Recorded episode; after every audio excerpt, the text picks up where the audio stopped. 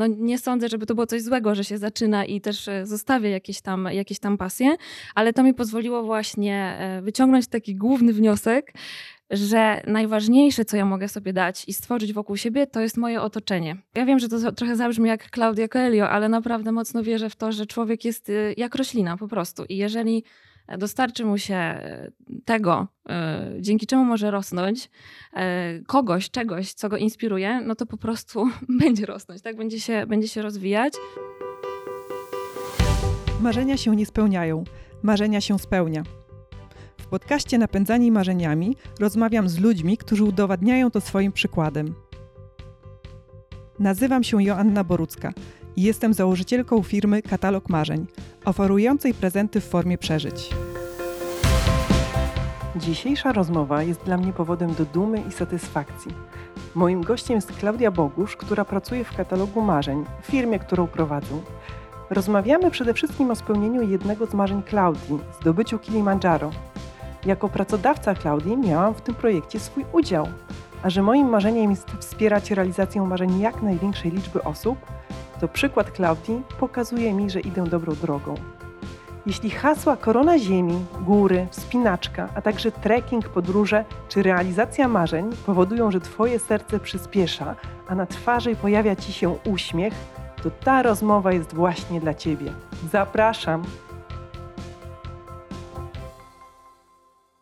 Cześć Klaudia. Cześć Asiu i cześć wszystkim słuchaczom, oglądaczom. Bardzo się cieszę, że tu się spotykamy właśnie w takim gronie. Słuchaj, takie pytanie na start. Chciałam się Cię zapytać, co Ty myślisz było tym efektem motyla, tym machnięciem skrzydeł, które doprowadziło do tego, że tutaj wspólnie siedzimy?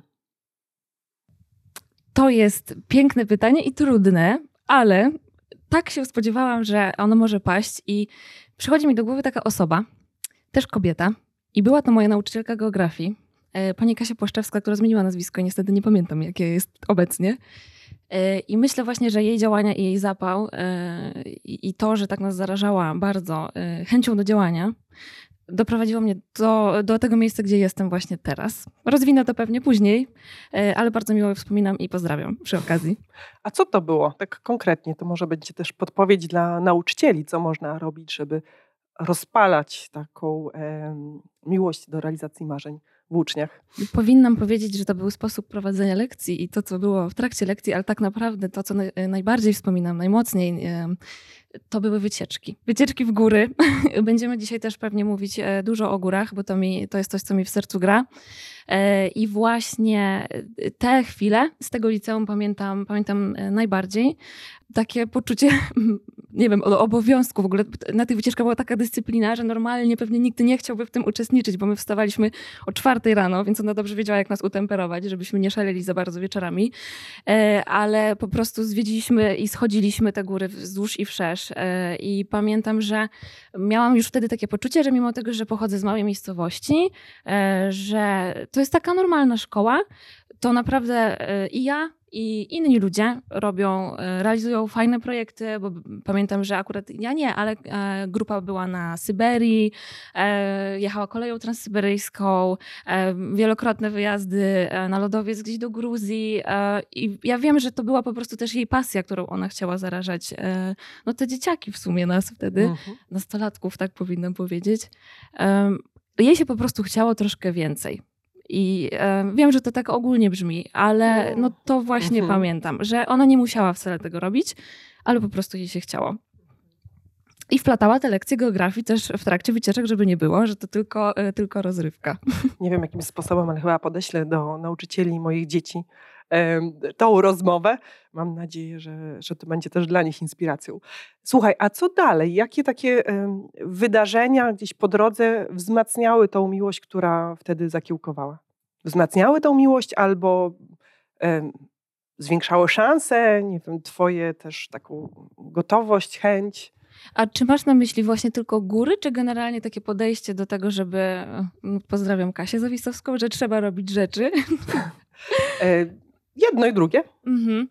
E, wydaje mi się, że ja bardzo długo szukałam i miałam też często taki mm, nie chciałabym nazywać tego w sumie słomianym zapałem, bo widocznie musiałam po prostu potestować różnych rzeczy i e, mm, no, nie sądzę, żeby to było coś złego, że się zaczyna i też e, zostawię jakieś tam, jakieś tam pasje, ale to mi pozwoliło właśnie e, wyciągnąć taki główny wniosek, że najważniejsze, co ja mogę sobie dać i stworzyć wokół siebie, to jest moje otoczenie. E, ja wiem, że to trochę zabrzmi jak Claudia Coelho, ale naprawdę mocno wierzę w to, że człowiek jest y, jak roślina po prostu. I jeżeli dostarczy mu się e, tego, e, dzięki czemu może rosnąć, kogoś, czegoś, co go inspiruje, no to po prostu będzie rosnąć, tak? Będzie się, będzie się rozwijać. Więc te wszystkie jakieś drobne pasje, przedsięwzięcia dały mi ludzi, którzy mnie inspirowali mm, inspirowali, a do których starałam się nie porównywać, bo to jest też ważne. To myślę, że też e, przyjdzie moment, żeby rozwinąć tę myśl. Um, no tak, ja odpowiadam bardzo długo, więc potem się gubię w tych, e, w tych odpowiedziach. E, o ale... takie momenty, mm -hmm. właśnie takie momenty, wydarzenia, spotkania, może jakiś film, książka. Domyślam się, że to mogły być różne rzeczy. Decyzje. To już było troszkę później, bo jak już byłam na studiach, e, to miałam świetną okazję, żeby pojechać na wymianę międzynarodową. Jeszcze byłam na licencjacie, ale zrezygnowałam z tego, nawet nie, nie próbując. Pamiętam, że z perspektywy czasu byłam na siebie taka strasznie zła, bo nie rozumiałam w ogóle tej swojej decyzji. I dopiero przy kolejnej okazji, jak e, już byłam na tej magisterce e, dwa lata później, to znowu właśnie otoczenie, w którym byłam, bo byłam już tu w katalogu swoją drogą, e, zachęciło mnie do tego, żeby po prostu mm, spróbować, mimo tego, że się bardzo tym stresowałam, że w ogóle muszę pójść do pracy i zapytać, e, jakby, nie wiem, zakomunikować, zapytać, powiedzieć, że chcę zniknąć i co to z tym teraz będzie, że przecież to jest takie ważne, że, że praca, że ludzie na mnie polegają.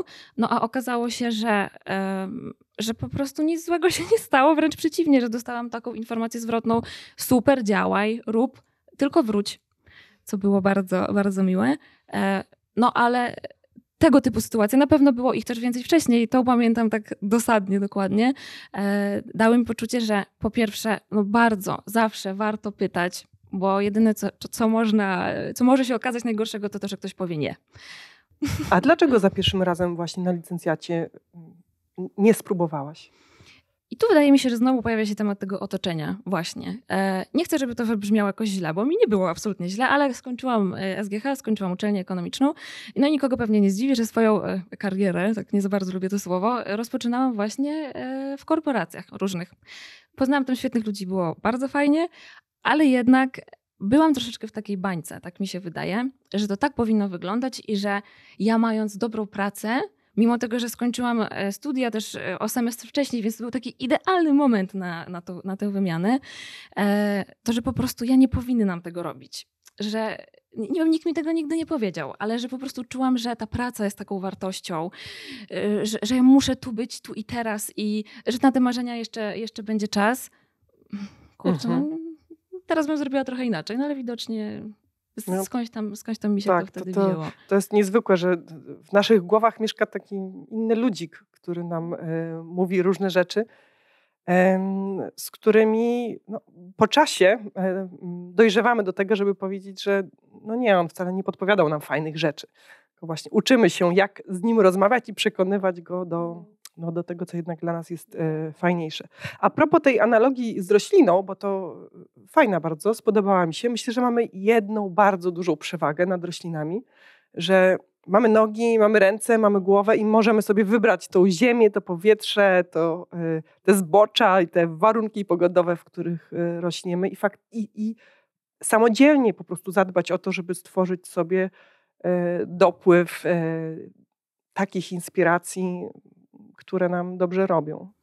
Tak, właśnie ostatnio e, od mojej przyjaciółki usłyszałam coś, e, co bardzo mi rezonuje teraz e, do tej pory w głowie, że prawdziwych przyjaciół wcale nie poznaje się w biedzie, tylko wtedy, kiedy osiąga się sukces. I to mnie trochę zamurowało na początku, ale myślę, że to jest bardzo prawdziwe. Nieco smutne też. I, I, wiem, że to jest trudne, żeby niektóre relacje kończyć. Czasami komuś powiedzieć wprost, mówiąc wprost, że po prostu dana relacja nam też nie służy. I ja bardzo dużą uwagę zwracam na to, żebym sama taką osobą e, nie była, która podcina skrzydła, bo czasami jednym komentarzem naprawdę można komuś odebrać energię do spełnienia jakiegoś marzenia albo planu. I wiem, że trzeba gdzieś balansować pomiędzy byciem e, rozsądnym, tak, pomiędzy byciem realistą, a pomiędzy szybowaniem gdzieś tam ponad chmurami, ale szczególnie w tym początkowym etapie, kiedy ktoś do nas przychodzi z jakimś pomysłem, nawet jeżeli nam wydaje się on zupełnie nieprzyszłościowy i, i beznadziejny tak naprawdę, to my po prostu nie mamy prawa, żeby komuś e, odbierać takie, takie marzenie i taką chęć. I już. I, I tak uważam, więc myślę, że to jest bardzo, bardzo, bardzo, bardzo ważne, żeby być uważnym właśnie i zwracać e, uwagę. Powtórzenia wyrazowe to moja dobra, dobra, mocna strona. E, zwracać uwagę po prostu na to, z kim spędzamy czas, czy ten ktoś nas inspiruje, czy ktoś nam po prostu dobrze życzy. No i oczywiście na siebie, żebyśmy też takimi ludźmi wspierającymi byli. Mhm. I w którym momencie i pod wpływem jakiej inspiracji w Twojej głowie wykiełkowało marzenie wejścia na Kilimandżaro? Hmm, to zacznę od tego, mimo tego, że y, rozmawiam ze swoją szefową, to obiecałam i obiecuję, że tu nic nie jest ustawiane I, i, i mówię to, co chcę, ale naprawdę, y, no tak. Zaczęłam pracę w katalogu E, ponad 3 lata temu. I od tamtej pory poznałam bardzo dużo osób, które, którym się właśnie chce robić rzeczy, które, które robią rzeczy. I to są i pracownicy, i przyjaciele katalogu, bardzo, bardzo różne osoby. Mm, I myślę, że no tutaj naturalnie e, wskażę i pozdrowię właśnie Miłkę, Miłkę Raulin, tak, okej. Okay. poznałyśmy, się, poznałyśmy się w sumie niedługo po tym, jak Miłka została najmłodszą Polką z e, koroną ziemi na koncie. I w sumie nie wiem, kiedy był dokładnie ten moment, że ja sobie pomyślałam, że może ja też bym chciała. Bo na początku sama się trochę negowałam i myślałam, że po co mi to, że przecież już ktoś to zrobił, więc to nie jest wcale jakieś takie super wyjątkowe, no bo to już było, już ktoś o tym słyszał. E, ale Dawid, e, który z nami pracuje, e, kiedyś mi powiedział: No ale co ciebie to interesuje, czy ktoś już to zrobił, czy nie? Nie musisz pobijać żadnych rekordów, to jest twój rekord, twoje marzenie.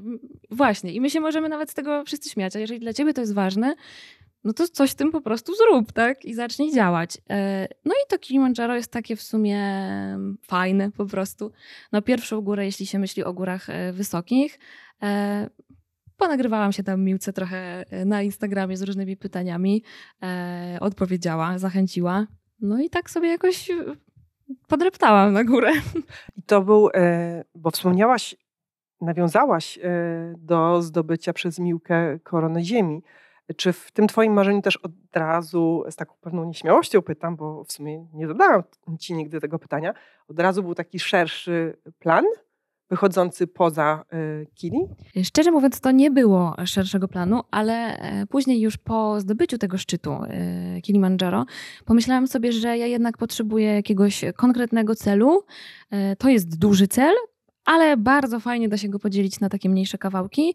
E, I myślę, że to jest też cel na miarę moich możliwości. Bo oczywiście ktoś może powiedzieć, że korona Ziemi to jest teraz passe i generalnie jest trend, e, że no, ka każdy może na swój sposób jakoś tam skomentować. E, teraz też wiem, że dużo większą uwagę się przykłada na przykład do, przykłada na przykład do osób, które, do wspinaczy, którzy wchodzą na jakieś 5-6 tysięczniki, ale wyznaczają nowe, trudne drogi kurczę, no ja tego raczej nie zrobię, nie mam po prostu takich aspiracji. Dla mnie tym e, celem teraz jest rzeczywiście ta korona Ziemi i myślę, że później się znowu pewnie pojawi coś innego.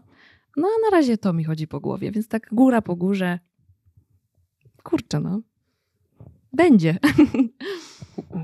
Nie wiedziałam tego, wiesz, nie, nie wiedziałam, że to są e, tak dalekosiężne i e, duże i ambitne plany, więc trzymam ogromnie kciuki i naliczę Dziękuję. na to, że będziemy mogły w międzyczasie e, rozmawiać e, na ten temat. A teraz bym chciała zadać Ci kilka takich konkretnych pytań o wejście na Kilimandżaro, bo wspomniałaś, że to jest najbardziej dostępna góra właśnie z korony Ziemi i dużo osób ma możliwość, planuje i potrzebuje informacji właśnie, żeby na tą górę wejść, faktycznie zrealizować tę wyprawę. Więc takie podstawy o Kilimandżaro. Gdzie ona jest, jaką ona ma wysokość, e, jak długo się idzie, jaka tam jest pogoda. To takie podstawy, potem mam jeszcze kilka Dobra. pytań pomocniczych. Dobrze, to za zacznijmy od tego. E, zapraszam też na bloga Katalogu Marzeń, bo tam poczyniłam taki długi, długi artykuł e, właśnie o wyprawie na Kilimandżaro. Podlinkujemy. Podlinkujemy, super. To jest góra w Tanzanii E, najwyższa góra e, Afryki, e, jeden też z najwyższych wulkanów na świecie. Dokładnie mierzy 5895 metrów nad poziomem morza. Fenomenalny jest to widok i w ogóle to, jak ona jest usytuowana, bo naprawdę jest płasko, płasko, płasko, długo nic i nagle taki kolos totalny. To jest jedyne miejsce w Afryce, gdzie śnieg można zobaczyć przez cały rok, nawet lodowiec, nie tylko śnieg. Można wybrać wyprawę, która trwa 6 dni albo 7. Takie warianty są najpopularniejsze. Ja wybrałam taki siedmiodniowy, bo chciałam mieć pewność, że będę mieć jeszcze ten jeden dzień na e, aklimatyzację, tak na razie czego. E, przed Kilimandżaro moja najwyższa góra to było nieco ponad 3700, więc to jest duża różnica, bo mm, no ponad 2 kilometry. E, to robi naprawdę znaczenie. I powiem tak, jak najbardziej jest to moim zdaniem dostępna góra dla każdego.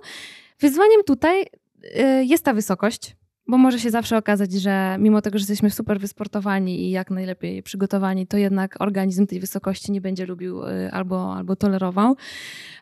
Ale też jest to dosyć droga góra, y, tak porównując do, do innych wypraw.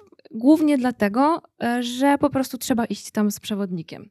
Tak jest zbudowany ten ekosystem wokół Kilimandżaro, na tym po prostu. Taki ludzie... prawny po prostu. Jest tak, to, tak. Nie trzeba z uwagi na trudność terenu, tylko żeby móc wejść na teren Parku Narodowego, to, to musimy iść z przewodnikiem. Dokładnie, mhm. dokładnie. Z tego po prostu utrzymują się e, ludzie, którzy żyją e, w tych rejonach, więc też to, że oddajemy jakieś swoje rzeczy e, no, tragarzom, porterom, nie może za bardzo powodować, wywoływać wyrzutów sumienia, bo oni po prostu z tego utrzymują całe rodziny.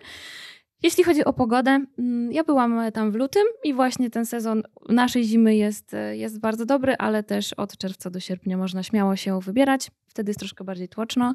I z jakiej wysokości się startuje? 1800 mniej więcej. Domyślam się, że jest tam wtedy ciepło.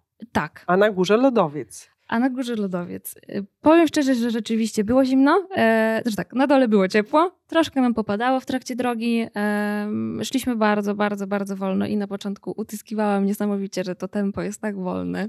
ile kilometrów dziennie, nie wiem, kilometrów czy metrów przewyższeń? Mm, średnio robi się tak 800 e, do 1000, może z małym plusem e, metrów przewyższenia, ale te dystanse naprawdę nie są długie, bo łącznie ta droga Maczamy, którą my szliśmy, która podobno jest naj, najpiękniejsza e, widokowo, ma około 60 e, kilometrów, z tego co pamiętam. Jak, jak, jeżeli nie, to sprawdzę się poprawię. Także no to dziennie wychodzi czasem 8 kilometrów, czasem 10, naprawdę, albo mniej, więc jest czas na odpoczynek. E, I to jest właśnie moim zdaniem taka, taka dobra, dobry wariant wyprawy wysokogórskiej, na której można po prostu się sobie trochę poprzyglądać. E, czy w ogóle się lubi spać w namiocie, czy jest się w stanie odpoczywać w takim miejscu. E, no, czy to ci daje fan mhm, zwyczajnie. Mhm. A jak się przygotowywałaś? To mam na myśli szeroko i od takiej kondycyjnej strony, i od takiej strony organizacyjnej, właśnie. Co tam trzeba zabrać, a co zapewnia przewodnik czy agencja?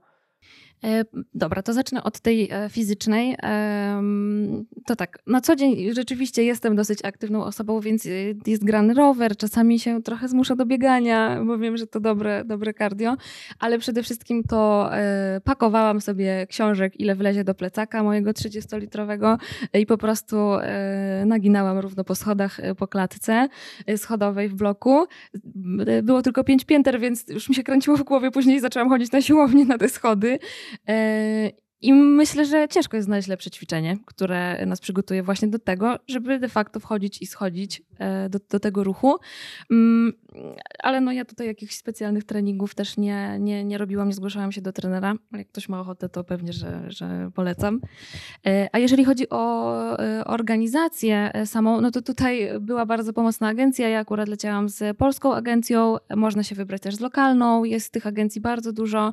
Koszty są w sumie podobne, tak jak porównywałam planowałam już e, znaczy jeszcze przed, przed wyjazdem, e, więc cała ta organizacja jest po stronie agencji po prostu. Także mhm. ja się czułam szczerze mówiąc tam dosyć luksusowo na tym Ale musisz mieć, e, musisz mieć własny namiot, śpiwór, no i czy to zapewnia agencja? Namioty są po stronie mhm. agencji, jedzenie jest po stronie agencji, mhm. takie podstawowe, ciepłe posiłki, woda na miejscu, a ja musiałam zabrać ze sobą przekąski, bo tam bardzo ciężko jest znaleźć takie batony energetyczne, jakieś kabanosy, czekolady y, czy orzechy. Mm, to to zabierałam ze sobą. Żele energetyczne, e, tak, śpiwór, plecak, Rękawice, dwie pary, łapawice, e, mm, bieliznę termiczną. E, wszystko jest też wypisane na blogu właśnie, bo ja mogę teraz po prostu o czymś zapomnieć, ale też to nie są y, żadne rzeczy, których taka osoba, która lubi góry i chodzi po górach, by nie miała, bo naprawdę no, jest tam puchówka, może ktoś takiej kurtki nie ma, ale to jest też kurtka, który, w której można chodzić sobie po mieście po prostu zimą, co Mhm. polecam, bo jest lekka i fajna i się dobrze sprawdza, więc e, to też nie jest tak, że trzeba kupować coś, czego się potem nie wykorzysta, o Mhm. ile się lubi góry albo po prostu jakieś sporty. Mhm. A od takiej strony mentalnej, na co warto się e, przygotować, i tu bym chciała nawiązać do tej aklimatyzacji, bo jeśli Mhm. ktoś, e, podobnie jak ty, e, był dotychczas w górach właśnie 3000, 3000 z hakiem, tak myślę, że ja właśnie byłam na takiej wysokości najwyżej, bo gdzieś na jakichś alpejskich czy włoskich lodowcach. Mm, Nigdy nie miałam żadnych doświadczeń takich, żeby mi było niedobrze, nie wiem, ból głowy. To na co warto się nastawić, bo, bo też samo nastawienie i świadomość, że coś może mm, się wydarzyć, Mhm. już nas do tego przygotowuje. No Tak, zdecydowanie się z tym zgadzam. E, Ja dużo czytałam oczywiście o tej chorobie wysokościowej. Informacje są dosyć ogólne, tak? No bo jeżeli ktoś nam mówi, że e, jednym z objawów choroby wysokościowej jest ból głowy, ten, ta głowa nas może równie dobrze boleć, dlatego że się stresujemy po prostu albo mieliśmy duży wysiłek fizyczny. Ale wydaje mi się, że e, najważniejsze jest to, żeby nie bać się o tym mówić, bo jeżeli wchodzi się w grupie, to e, wiem, że ktoś może mieć opory przed tym, żeby się przyznać, bo wydaje mu się, że jest słaby, jak się źle czuje. Absolutnie nie. To chodzi o nasze życie i nie jesteśmy w stanie przewidzieć, czy zrobi nam się e, niedobrze, niekomfortowo na wysokości półtora tysiąca czy pięć tysięcy dopiero. Oby się nie robiło nikomu niedobrze w ogóle, ale są przypadki choroby wysokościowej też w Tatrach, e, jak najbardziej. Także różnie może być. E, mieć dla siebie po prostu zrozumienie, naprawdę. Bo wiem, że to jest duży wydatek, to jest e, duży cel, bardzo nam na tym zależy, ale ja też jestem, chociaż może się tak nie wydawać często, e, bardzo pokorną osobą, pokorną szczególnie względem natury. E, I trzeba naprawdę słuchać swojego organizmu, mieć to zrozumienie dla siebie e, i mieć takie podejście, mm, że to jest, e, ta droga właśnie jest celem, a nie sam szczyt. Każdy chce stanąć na szczycie. Wiem, że jest to łatwo mówić, bo sobie już tam byłam, tak? Mam to zdjęcie z ukochaną tablicą, ale naprawdę mm, nie za wszelką cenę. Nie za wszelką cenę, po prostu.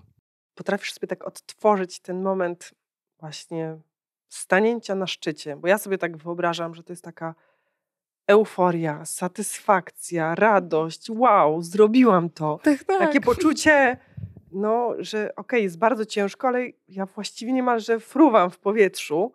E, ciekawa jestem, myślę, że to jest bardzo indywidualne z pewnością, ale właśnie mm, ja na samą myśl o takim szczycie mam takie uczucie. No właśnie, jak to było w twoim przypadku, tak naprawdę. Ja już się śmieję tutaj w duchu, dlatego że y, Asia akurat widziała już ten mój filmik ze szczytu, na którym ja ryczę po prostu i nie jestem w stanie włożyć nawet e, sobie z powrotem e, okularów przeciwsłonecznych na, na nos. E, Była euforia, było zadowolenie, był płacz ze szczęścia, ale jakieś 6-8 godzin później, dopiero jak zeszłam z tego szczytu. E, Nie spodziewałam się, że mnie to tak kolokwialnie mówiąc przetyra. Po prostu ten, ten y, atak szczytowy. No było zimno, było monotonnie. Mm, I naprawdę, Miłka, ja już ci to mówiłam, że mi powiedziałaś, że od, y, od Stelli to tam jest już tylko pół godzinki i w ogóle się idzie po płaskim i to już końcóweczka. No tak średnio i naprawdę byłam bardzo, bardzo zmęczona. No i przyznam szczerze, że okej, zrobiłam to zdjęcie, było fajnie, ale zaczęłam to przeżywać tak naprawdę głęboko i się z tego cieszyć dopiero jak zeszliśmy bezpiecznie do tego czwartego obozu, z tego co pamiętam. Mhm. e, I dwie godziny drzemki po prostu zaliczyłam i coś zjadłam. I wtedy dopiero sobie pomyślałam, kurczę, weszliśmy i weszliśmy prawie wszyscy razem e, była fajna pogoda. Wszystko się udało tak jak, tak jak chciałam.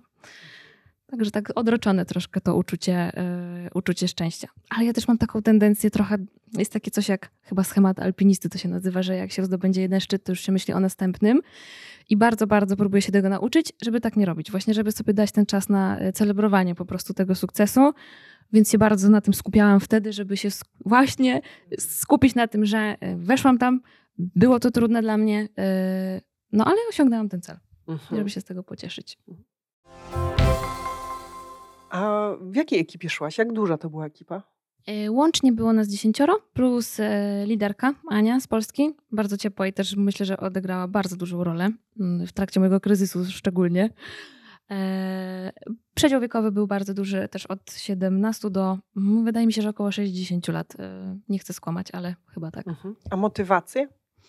Rocznica ślubu, właśnie dla tej najstarszej, najstarszej pary, więc super w ogóle, gratuluję ponownie. Pięknie.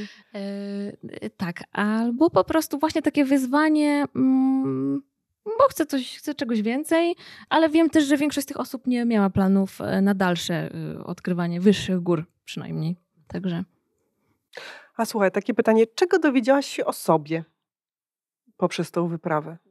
Właśnie potwierdziłam y, to, że nie ma sensu się porównywać absolutnie do, kogo, do kogoś innego, bo nigdy nie mamy takiego pełnego obrazu i że y, nie ma sensu też wstydzić się swoich marzeń, bo często mamy taki mechanizm, że po prostu umniejszamy tym swoim marzeniom, że się boimy coś powiedzieć na głos, bo nam się wydaje, że ktoś nas oceni, że ktoś e, powie, że właśnie to jest jakiś głupi pomysł. I wtedy tak naprawdę powtarzałam sobie to często, że nawet jeżeli ktoś powie, że to kili jest takie, nie wiem, jakieś proste. Nie, no kurczę, nie jest proste. To było dla mnie bardzo duże wyzwanie i obiecałam sobie, że jak będę wymyślać kolejne projekty, kolejne marzenia, e, to właśnie będę je tak oceniać. Czy to jest ważne dla mnie, czy to mi samej daje radość e, i, i że wtedy to działanie ma sens i, i, to ja mam być po prostu z tego zadowolona. Mhm. No tak, bo mm, jest masa ludzi, dla których śnieżka, czy nawet jeszcze mniejsze e, Dokładnie. szczyty y, są marzeniami i wejście na nie też daje masę satysfakcji. Także no, każdy ma swój własny Mount Everest, swoje, własne marzenie. Zgadzam mm. się. A mm, trochę tak z innej perspektywy, bo e, domyślam się, że poza takim walorem przygodowym, sportowym, to taka wyprawa e, jest też zetknięciem się z inną kulturą, e, z inną zupełnie częścią świata. To od takiej strony, czy z drugiej strony 7 dni, więc relatywnie krótko, no ale co, co tak zapamiętałaś, co ci zapadło w pamięć z tej perspektywy? Mm, chciałabym tam spędzić więcej czasu i na pewno do tej Tanzanii jeszcze kiedyś wrócę, już nie w górskich y, celach.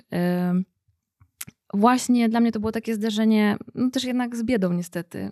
Ale umówmy się, tak to po prostu wygląda. Między nami są, e, między nami, ludźmi e, bogatej Europy, bo jesteśmy bardzo uprzywilejowani i nie ma co tego ukrywać.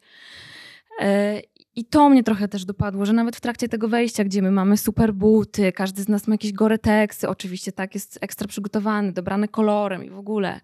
E, idzie koło nas człowiek, który niesie cztery razy cięższy ładunek na plecach e, i ma jakieś podarte tenisówki i no kurczę, ja jestem bardzo wrażliwa na to e, i, i, tak gdzieś z tą myślą też wracałam, że fajnie, no ja się bawię, e, ale ta osoba y, wędruje tutaj 30 raz zupełnie w innym celu i dla niej to nie jest już takie, takie fajne i, i, i jednak chciałabym, żeby te różnice gdzieś między nami się po prostu z czasem e, wyrównywały.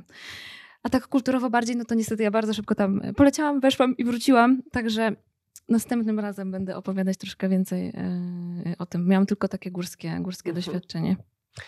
E, kolejne górskie doświadczenie to był Mont Blanc, na który niecałe chyba 6 miesięcy później, prawda, e, się wybrałaś. I tu już tak szczegółowo nie będę Cię wypytywać, ale takie podsumowanie właśnie z perspektywy podobieństw i różnic do wyprawy na Kilimandżaro, to właśnie. Jakie, o, zacznijmy może od tych podobieństw. Mm, duża góra, ryzyko y, choroby wysokościowej. Co jeszcze? Co jeszcze? Y, tak naprawdę z tych podobieństw o dziwo to chyba tyle. Bo... Śnieg na szczycie. Tak, tak. Trochę było na tym kili rzeczywiście u mnie, ale wiem też, że miesiąc wcześniej go nie było wcale, także różnie, różnie można trafić. E, różnic jest trochę więcej. E, no Mont Blanc jest niższy, ale przez to, że jest wymagane doświadczenie zimowe e, właśnie, czyli chodzenie w rakach, e, chodzenie w ogóle związanym liną. Ja wiem, że to się wydaje banalne, ale okazuje się w terenie, że wcale tak nie jest. Trzeba już umieć e, użyć czekana. To, to przez to, mm, mimo tego, że jest kilometr różnicy pomiędzy, e, jakby wysokościach, między, wysokościach tych szczytów, e, no to jednak jest to porównywalny wysiłek. Y, tak bym to określiła. Mm, pierwszy raz w ogóle byłam w Alpach, także y, takie mocne doświadczenie od razu. I ja się zdecydowałam też na to, żeby wejść z przewodnikiem i byliśmy liną związani po prostu ja i przewodnik. I to była dobra decyzja, tak myślę. Podniosła mocno koszt, ale moje poczucie bezpieczeństwa wtedy było też ważne.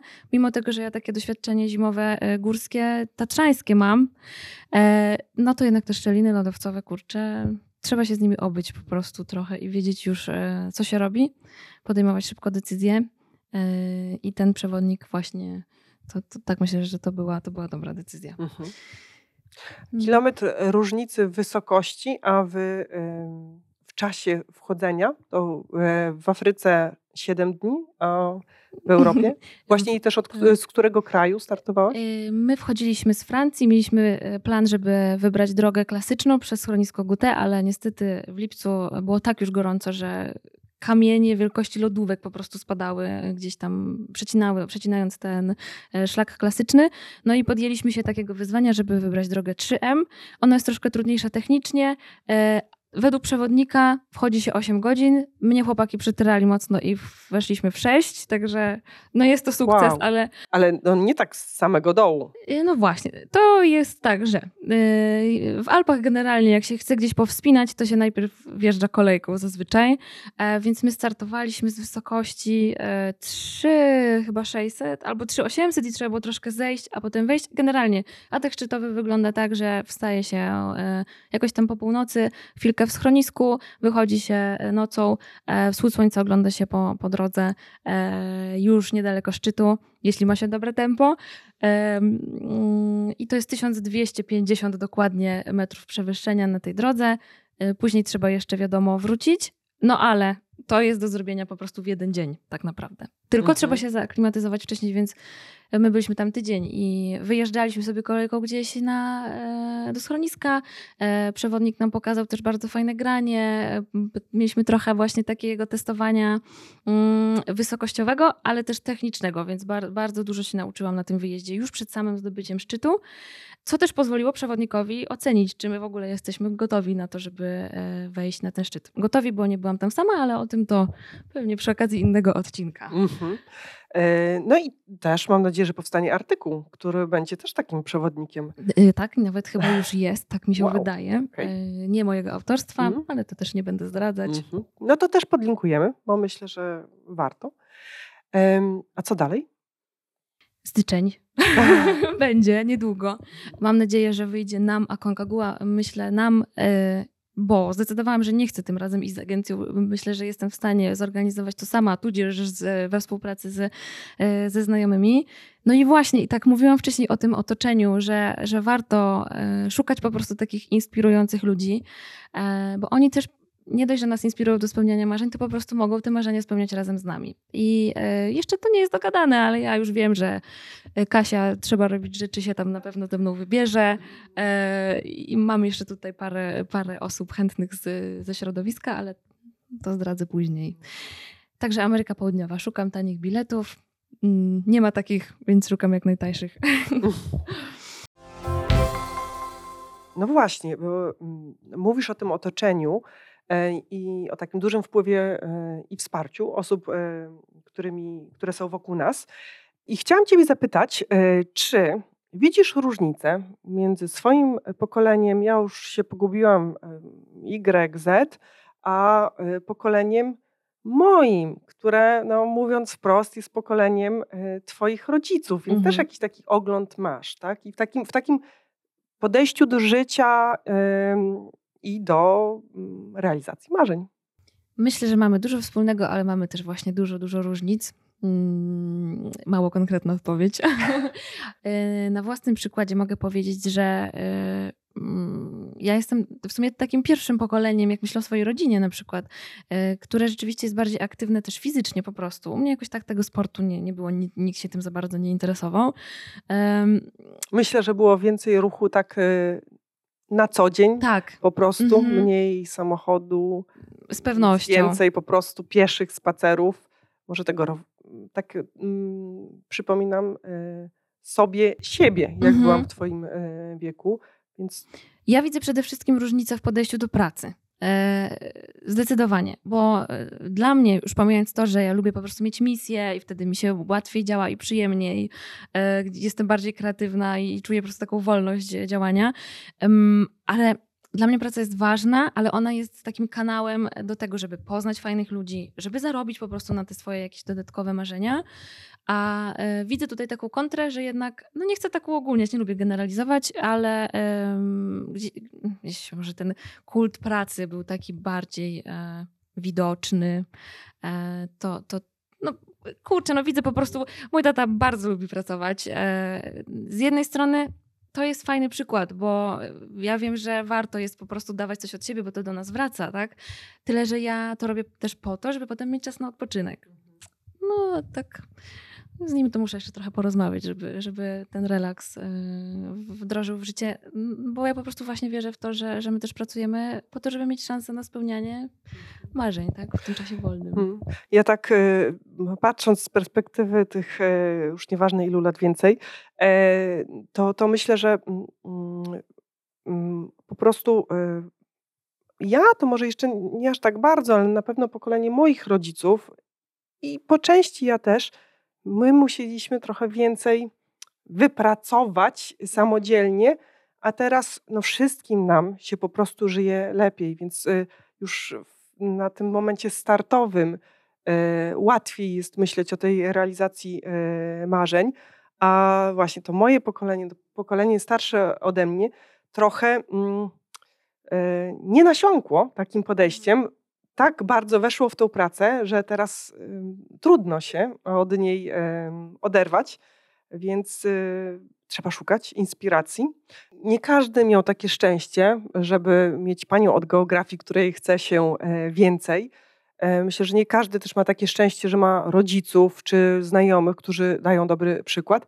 Ale za to e, no na pewno nasi słuchacze mają to szczęście właśnie, że trafili na tą naszą rozmowę i mogą posłuchać teraz od ciebie, mm, skąd tych inspiracji czerpać? Czy y, wiadomo, że z podcastu Napędzanie Marzeniami, no to, to, to wiadomo, pozwolę sobie Raczej. trochę na taką autopromocję, e, ale poza tym podcastem, nie wiem, czy konkretne osoby, książka, film, wydarzenia, cokolwiek, co podpowiesz? Ciężko jest dać taką podpowiedź uniwersalną dla wszystkich, ale wydaje mi się, że słuchajcie, rozglądać się i naprawdę obudzić w sobie taką ciekawość, żebyśmy nie czytali tylko o tym, co już znamy i nie oglądali tego, co, co już znamy i tak nie kręcili się trochę w kółko, tylko naprawdę czasami nawet nie wiemy, co my możemy, co my możemy zrobić. Chodzić na festiwale podróżnicze. E, jeżeli ktoś nie lubi gór, nie rozumiem, ale może się tak zdarzyć. Może ktoś się interesuje motoryzacją. Są naprawdę, jest tyle eventów, właśnie tyle takich różnych książek i tyle postaci, które, które można sobie przyjąć gdzieś za inspirację. Tylko trzeba mieć troszkę w sobie właśnie takiej ciekawości, zapału, żeby, mm, żeby szukać. Dla mnie to nawet e, mam takich swoich influencerów, których, których lubię, podziwiam i po prostu kibicuję im, żeby, żeby te społeczności mi się rozwijały i sama jestem e, częścią tych społeczności. I na przykład, nie wiem, Dodo Kniter to jest dla mnie super. W ogóle dziewczyna w moim wieku e, i tak sobie czasami myślę, wow, że jak ona fajnie opowiada o tych podróżach, mimo tego, że robi zupełnie inne kierunki niż ja i w innym stylu podróżuje, to jest coś takiego, co nas łączy i myślę, że każdy może sobie takiego kogoś mhm. albo coś właśnie, e, właśnie znaleźć. No najważniejsze to, żeby być ciekawym, żeby nie przestawać po prostu szukać. Mhm. E, to bardzo ciekawe, co powiedziałaś, bo teraz sobie zdałam sprawę, że część gości e, podcastu właśnie bierze się z takiej mojej ciekawości i uważności, bo czasem albo w jakiejś gazecie e, coś mhm. wyczytam, albo gdzieś no, w mediach społecznościowych wyświetli mi się jakaś rozmowa czy czasem nawet reklama, e, albo e, w radio. Dwoje gości wysłuchałam e, w radio i tak mi te rozmowy się spodobały, że postanowiłam ich zaprosić. Klaudia, takie końcowe pytanie, które staram się zadawać każdemu gościowi, to gdybyś miała taką moc sprawczą, żeby z tej naszej rozmowy w, Was, słuchacze, widzowie, zapadła jedna myśl, jedno przesłanie, to co chciałabyś, żeby to było? Mm, chciałabym, żebyście nie porównywali się do innych osób, do ich osiągnięć, bo nigdy nie macie pełnej informacji o tych osobach i być może e, są takie obszary ich życia, których wcale byście już im nie zazdrościli, jakbyście się o nich dowiedzieli i lepiej je poznali. Więc porównujcie się tylko do siebie. Wiem, że to jest trudne, ale e, tak będziecie się najbardziej rozwijać i po prostu będziecie mieć też e, satysfakcję z tego, co robicie. Wielkie dzięki, masy satysfakcji z Twoich e, kolejnych realizacji marzeń i Dziękuję. do zobaczenia. Bardzo dziękuję za rozmowę. To był dla mnie zaszczyt. Jestem podekscytowana, co słychać i do zobaczenia.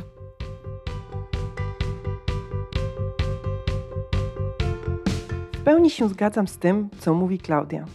Marzenia i ich realizacja ma sens, jeśli to są nasze marzenia, bo po co spełniać cudze? W końcu życie mamy tylko jedno. Dlatego zamiast porównywać się z innymi, warto patrzeć na drogę, którą idziemy i doceniać wysiłek w nią wkładany. Bo tak jak mówi wiele moich gości, to droga, ta nasza własna droga jest najważniejsza. Jeśli my będziemy się dobrze na niej czuć, to skorzystają z tego także inni. Nie bójmy się więc egoizmu. W zdrowej ilości jest po prostu zdrowy. I dla nas, i dla innych. Do zobaczenia wkrótce w kolejnym odcinku.